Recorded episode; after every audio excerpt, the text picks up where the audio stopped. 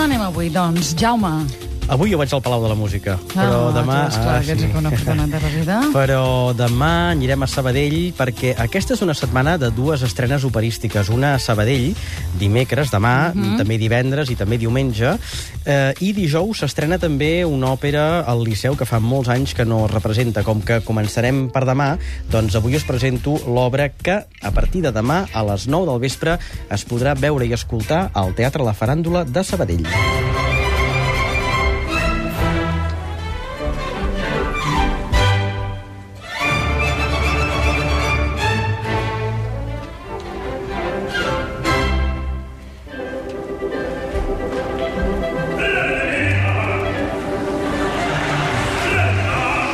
És una melodia àgil, és enginyosa. Eh, què té això? Què És té? rossiniana. És rossiniana, Esclar, quan clar. parlem de Rossini parlem d'enginy, parlem de sentit de l'humor, parlem de frescor, parlem del barber de Sevilla.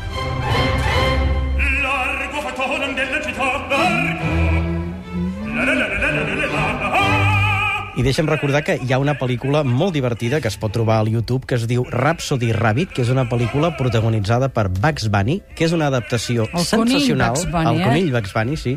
Uh, que és uh, una adaptació de- d'aquesta òpera de Rossini. Però bé, el, el, a Sabadell representaran l'òpera amb cantants d'òpera, no pas amb, amb, amb conills.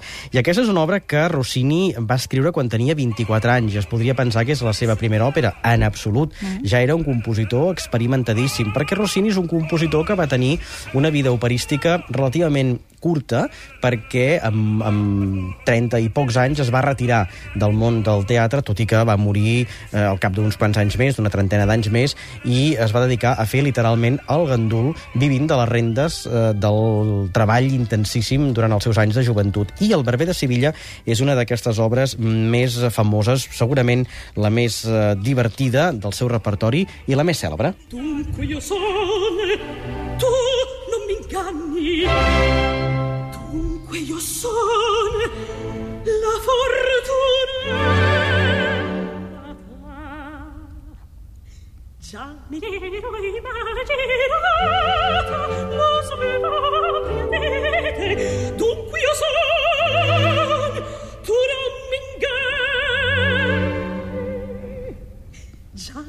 你说你妈我鸡巴操你妈个傻逼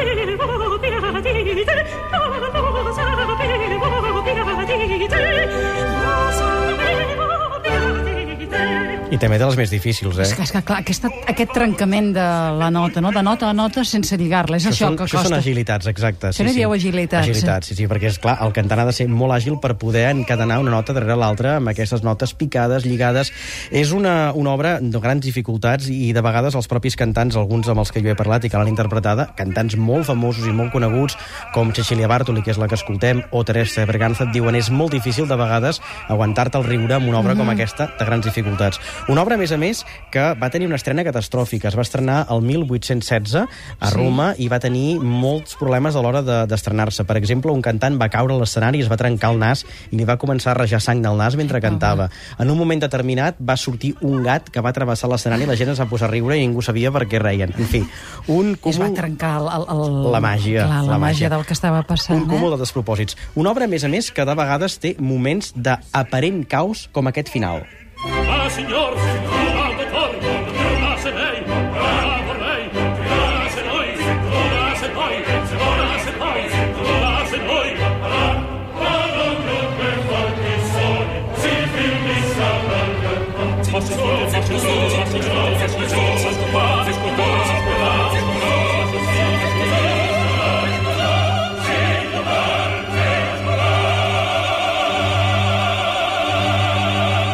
El barber de Sevilla té un nom, es diu Fígaro, i és un noi que és eh, el cabot, i barber de vegades, i de vegades també fa tota mena de, de trapelleries, i el que fa Fígaro és aconseguir colar a casa d'un eh, vell ambiciós que es diu Bartolo, Sí. aconseguir colar dintre de la, de la casa de Bartolo un noble, un comte, el comte d'Almaviva, que s'ha enamorat d'una noia que es diu Rosina. I què hi fa aquesta Rosina a casa de Bartolo? Doncs resulta que Rosina és l'hereva d'una immensa fortuna i Bartolo n'és el tutor. I com que Bartolo està arruïnat, s'hi vol casar, a la força. I Rosina, que és una noia joveneta, clar, s'ha enamorat d'un noi jovenet com, com ella. I aleshores el que aconsegueix Figaro és, amb tota mena de trapelleries i de trampes, colar-se a la casa de Bartolo. Tot això genera un seguit de situacions còmiques, molt divertides, eh, i que provoquen hilaritat en els espectadors que la veuen.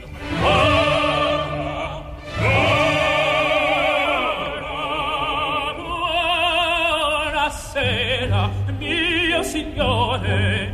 Buonasera, buonasera. Buonasera, mio signore. Presto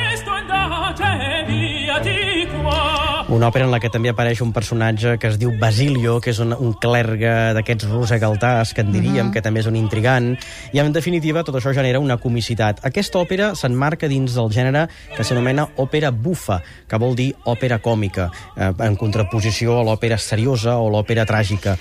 Per tant, seria una bona òpera per veure sempre, però també per aquells que no són especialistes en òpera. Diríem, no és difícil, la pots seguir Exacte. molt bé, la música té molta gràcia, se t'endú, et posa de bon humor, que deia el doctor Massaguer, que no havíem de disgustar-nos. Tot això Exacte. serveix, eh? Sí, sí. Mira, eh, hi ha un llibre del Benet Casablanques, que és Sí. un director, perdó, director de conservatori i també compositor, que es diu L'humor en la música, Uh -huh. i hi ha molts estudis mèdics que demostren que realment determinades músiques eh, salven d'alguna manera l'esperit, que ajuden a l'ànima, i evidentment allò que en diuen, no? men sana incorpore sano. Determinada música com la rossiniana és vitamínica. De vegades alguns amics meus em diuen, ostres, quina és la millor manera per iniciar-se en l'òpera?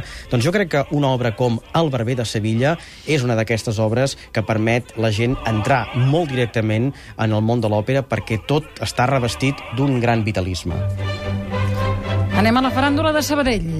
Anem a la faràndula de Sabadell demà a les 9 del vespre, també divendres i diumenge. Diumenge a les 6 de la tarda. I atenció perquè dijous hi ha Sí. una representació amb joves cantants formats en el que s'anomena l'Escola d'Òpera. Han sigut uns cantants que al llarg de 4 o 5 mesos han treballat en paral·lel amb els cantants del primer repartiment els personatges de l'òpera. I per tant, Sabadell dona una gran oportunitat també a aquests joves cantants que es volen formar, que es volen fer un nom dintre del món de l'òpera. Per tant, jo recomanaria tant la funció dels titulars, dimecres, di- divendres i diumenge, com també la de dijous, la del jove repartiment. I atenció, perquè aquest Barber de Sevilla després circularà per diversos teatres de Catalunya, uh -huh. Manresa, Viladecans, Sant Cugat del Vallès, Catalunya Música, per cert, transmetrà la funció del dia 27. I per tant, aquesta òpera jo la recomano molt, com també recomano la del Liceu, que s'estrena dijous, de la que en parlaré, si em deixes, I tant. dimarts que ve. Però és que, a més a més, aquí a Catalunya Música feu moltes coses, no? Ara esteu eh, transmetent també el que podem veure, per exemple, al cine Icària i Elmo Mhm, de Nova. York. Sí, sí, sí, sí. Sí, són transmissions en directe que fem des de Nova York, els fem els dissabtes a la tarda, Sí. i això permet apropar Catalunya al món. El món, bueno, el món que se'ns acosta. Això mateix. que vinguin ells. Tenim, Jaume Radicales, moltíssimes gràcies tu, per ser aquí com cada setmana, eh, sabent una miqueta més pel que fa a l'òpera.